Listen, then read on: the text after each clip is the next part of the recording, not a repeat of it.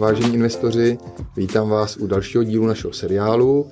Eh, dnes si budeme povídat o dění na trzích a o tom, co připravujeme a na čem pracujeme v portu s Martinem Luňáčkem. Dobrý den. A Aničkou Kortusovou. Dobrý den.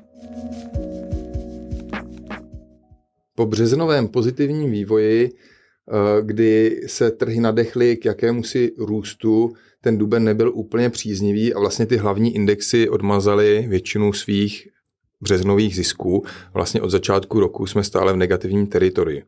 Eh, Martine, co stojí za tímto vývojem? Proč pořád jedeme vlastně dolů? Je pravda, že ten pohled na eh, vývoj akcí a dluhopisů, obecně trhů pro eh, veškeré investory není nějak příznivý v posledních dnech a týdnech.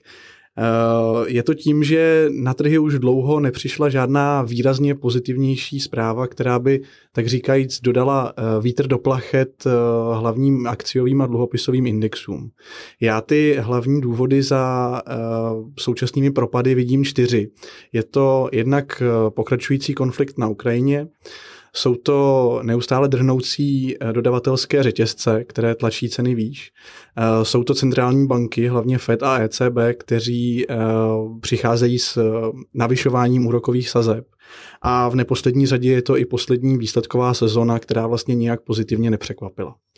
A to je jeden z důležitých bodů, protože na tu jsme se snažili spolehnout. Očekávalo se, že vlastně ty výsledky hlavně amerických firm budou, budou dobré a vlastně zvrátí tu negativní náladu na trzích. Jak to vlastně vypadá? Tento týden reportovala drtivá většina těch amerických blue chips, ty, ty hlavní jména.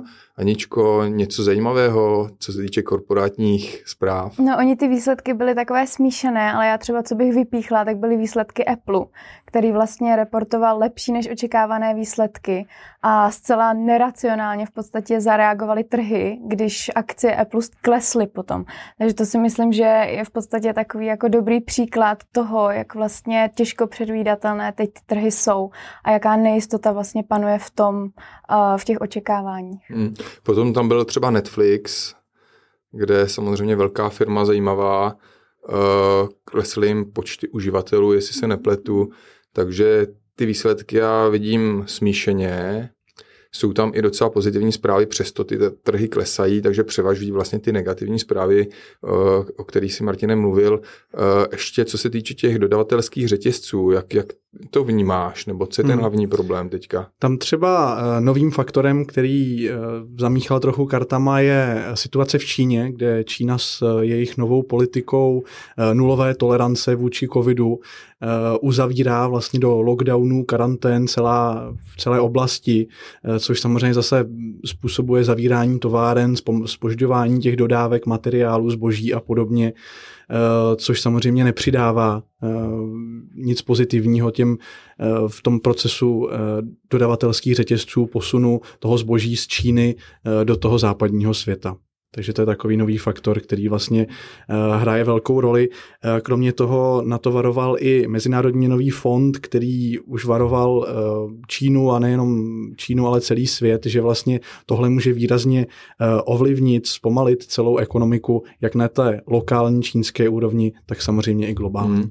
A co se týče toho HDP, ono to teprve přijde asi, že třeba český HDP Poslední čísla jsou velmi pozitivní za první kvartál, nicméně očekává se, že v dalších měsících to bude spíše horší, protože teď je tam ten efekt toho pozitivního oživení po, po covidu. No já na to ještě bych možná navázala, že to je vlastně další věc, co způsobuje vysokou míru inflace, protože vlastně ta ekonomika nebo ekonomiky celkově ve světě se po covidu rychleji rozběhly, než jak jsme třeba očekávali a to prostě zvyšuje poptávku a ta nabídka není vůbec schopná tu poptávku uspokojit. Takže to vlastně žene inflaci nahoru, centrální banky na to musí reagovat a prostě celé to kolečko se tak jakoby hmm. uzavírá. Je, uh, můžeme očekávat něco, co by ten trend mohlo změnit? Kromě teda toho, že by došlo k nějakému pozitivnímu ukončení války na Ukrajině. Na to nejsme experty, takže to asi nebudeme moc komentovat, ale něco dalšího co ten trend zvrátí. Obecně myslím, že prostě musí přijít nějaká výrazně pozitivní zpráva, alespoň v jedné z těch oblastí. To znamená, ať už je to Ukrajina, eh, nebo je to inflace, respektive to, co jí táhne, eh, nebo jsou to nějaké snižování sazeb centrálních bank, které samozřejmě nemůže přijít dřív, než budou vyřešeny ty problémy třeba v těch dodavatelských řetězcích, které tlačí tu inflaci nahoru.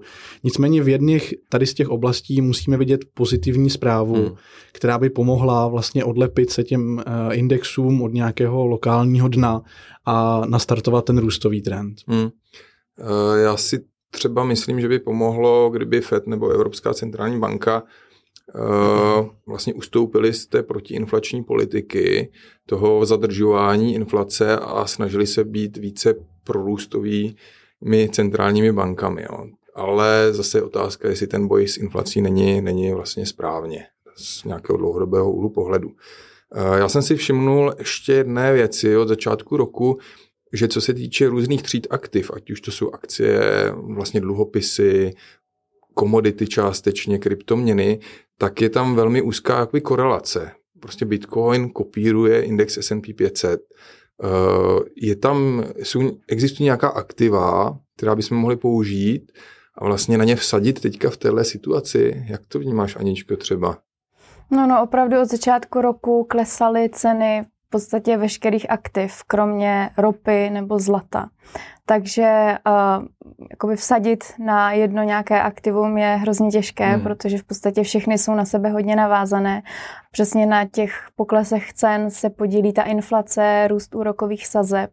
Takže já v podstatě tady v tom hmm. prostředí nevidím to... přesně, jako do čeho investovat. Jo. Je to opravdu hrozně těžké. Co vyrostlo nějak co rostlo. No. Já to vnímám podobně, třeba takové zlato je si myslím plus 4% od začátku roku, nicméně v dolarovém vyjádření. To je ještě další problém, že od, zač- od toho ledna dolar vlastně posiluje, takže i ta aktiva, která trošičku vlastně posilují v tom dolarovém vyjádření, tak potom v korunách jsou třeba na nule nebo taky vlastně v negativním, v negativním teritoriu.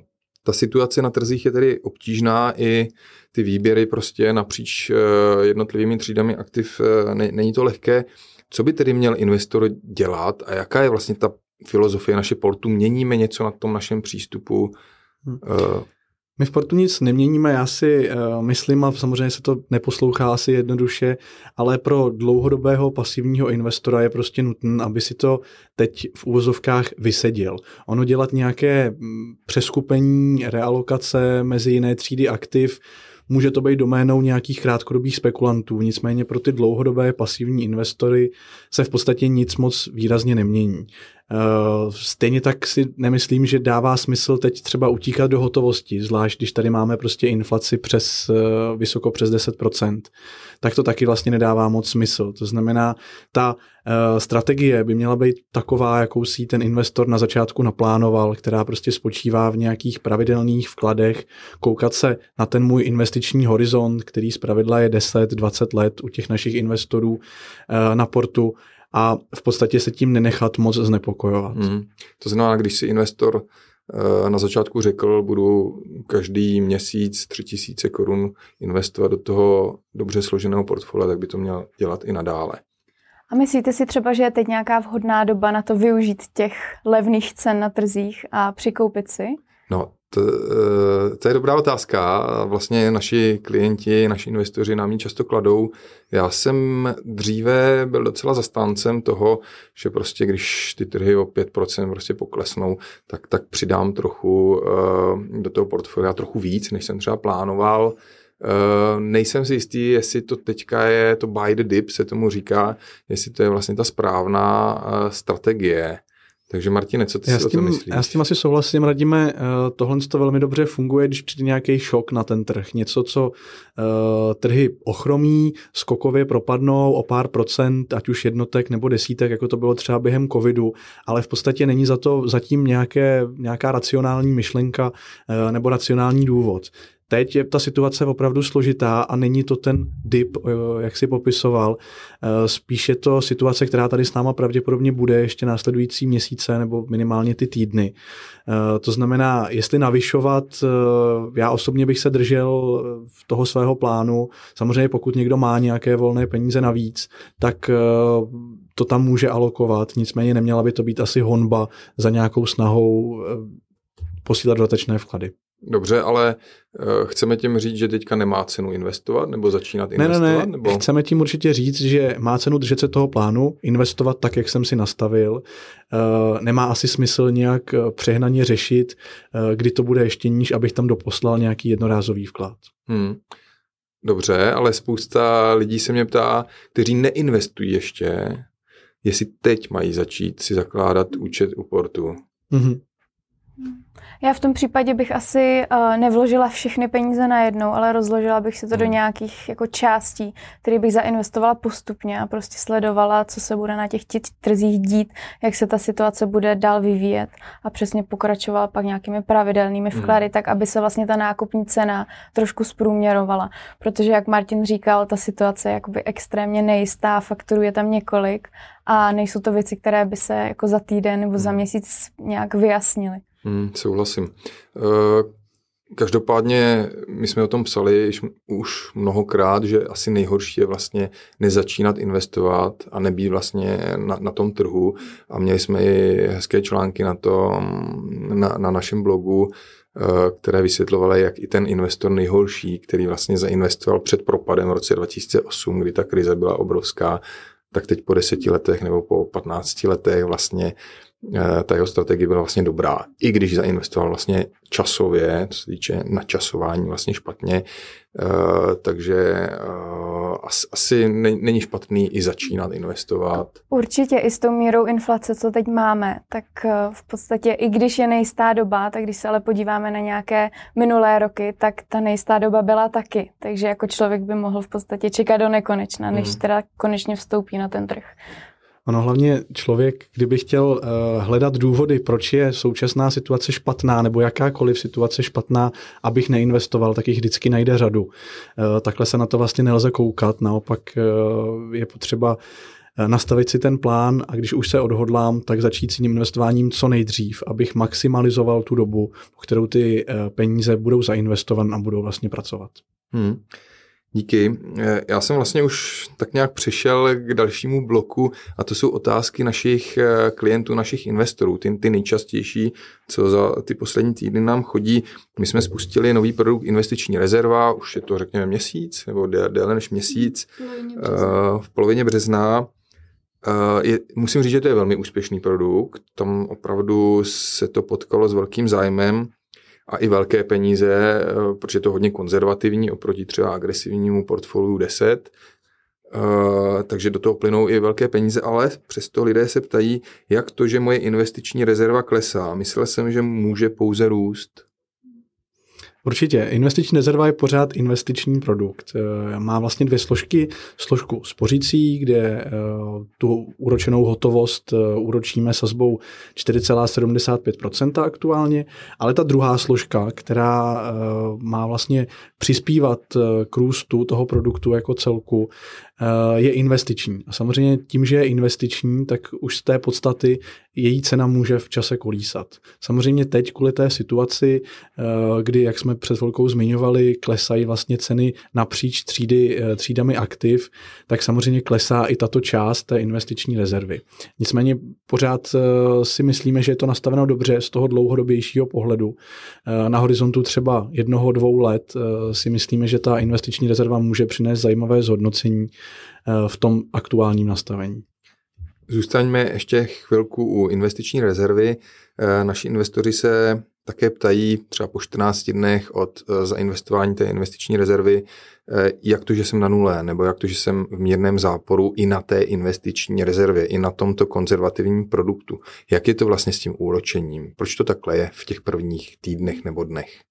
Ano, vlastně v praxi se úroky z té úročené hotovosti připisují vždycky na začátku nového měsíce, takže například uh, klient, který si založil rezervu už během března, když jsme ji spouštěli, tak uvidí ty připsané úroky k prvnímu čtvrtý.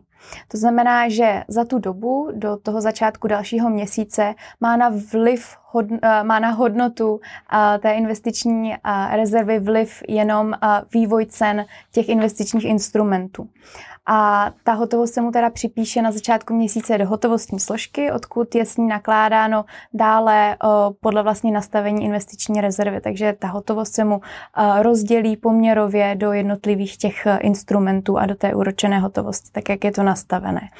A nově jsme e, na detailu investiční rezervy dole ve složení přidali to, že pokud si klient rozklikne detail e, té úročené hotovosti, tak tam uvidí celkový připsaný úrok. Takže tam si vlastně může prohlédnout, jestli už se mu nějaká, nějaký úrok připsal a jaká ta celková částka je. Dobře, jenom uh, zopakuji, že, že ty úroky z té úročené hotovosti my rovnou zainvestováváme. Klient, investor to tam vidí, kolik vlastně úroků bylo inkasováno, ale vlastně nemůže si jakoby separé třeba vybrat. To je další důležitá věc vědět. Pojďme se teď podívat na portu. Na čem pracujeme v portu a co chystáme dalšího, další novinky nějaké, Martine, Aničko? Tak samozřejmě tou největší novinkou, největším projektem, který máme rozpracovaný aktuálně je Portu Krypto, investice do uh, kryptoměn, kryptokošů uh, a podobně. Uh, tam více, víceméně z toho produktového pohledu to máme uh, téměř připravené, probíhá tam nějaké testování, ještě tam programátoři ladí nějaké detaily, Eh, jediná taková věc, která ještě nás čeká, je finální eh, schválení z pohledu regulátora, se kterým jsme vlastně aktuálně v úzkém kontaktu. Eh, probíhají tam komunikace, takže jakmile bude tohle, jakmile dostaneme zelenou, tak Portu Crypto spustíme. Kromě toho se samozřejmě věnujeme například po expanzi do Polska, kde dáváme dohromady portfolia, překládáme smluvní dokumentaci, opět jsme tam v nějaké komunikaci s regulátorem a chystáme celkově spuštění polského webu. Hmm. Já vím, že tam máme ještě jeden, jednu zajímavost týkající se takového portu hybrid projektu. Martine, co to jedná znamená? Se, jedná se vlastně o věc, která je taková, takovým trendem, hlavně na západě, uh, v oblasti služeb robo-advisory, jako je Portu, kdy uh, ty současní robo-advisory nabízejí kromě té základní služby, uh, té automatizované investiční složky, ještě třeba volitelné možnosti konzultací. Ať už ohledně složení toho portfolia, vysvětlení eh, nějakých věcí. Eh, ty konzultace se mohou týkat i třeba celkové finanční situace toho člověka, jak by měl investovat, jak by si měl rozložit svůj majetek, který k investování má. A obecně třeba to může být i audit eh, nějakých finančních produktů, které hmm. ten člověk má. Tohle je určitě věc, kterou se zabýváme a hlavně do budoucna, abychom se tímto směrem chtěli víc a víc vlastně posouvat. Hmm. A e, proč to tady i zmiňujeme? Já, já bych se chtěl vlastně zeptat i našich klientů, investorů, jestli, jestli o tento typ služby, nějaké dodatečné extra možnosti konzultací, třeba čtyřikrát ročně, krátkých konzultací, nezávislých konzultací s experty e, sportu, případně Wood Company, by byl zájem a z jakých podmínek, protože my vlastně zatím nemáme nic připraveného, pouze designujeme, jak by ta služba mohla vypadat a určitě se obrátíme samozřejmě i na naše investory uh, a budeme se snažit ten produkt vytvořit spolu, spolu s nimi. A na závěr, uh, co naše další dvě platformy, Portu Gallery a Opportunity. Já vím, že pracujeme i na redesignu těchto platform. Uh, v letošním roce snad se to povede, ale co nového na nich nabídneme? Já můžu vypíchnout takovou jednu zajímavost, eh, která eh, nás čeká na platformě Opportunity, kde v následujícím horizontu zhruba dvou měsíců eh, by mělo dojít k IPO na trhu Start. Konkrétně by se mělo jednat o úpis akcí sítě restaurací pizzerí Colosseum. To je, musím říct, úplně čerstvá novinka se kterou uh, asi půjde pizza Colosseum do médií teprve v dalších dnech a týdnech. Nicméně my už víme teď, že vlastně o tento úpis stojíme, protože se nám ta firma i ten business příběh docela líbí. Určitě, my jsme teď v nějaké přípravné fázi, budeme dávat k tomu veškeré podklady, uh, přichystáme tu stránku na Opportunity, aby si investoři o tom mohli přečíst, seznámit se s tím příběhem a vlastně zvážit, jestli nechtějí uh, akcie Pizzeria Colosseum zařadit do svého uh, portfolia.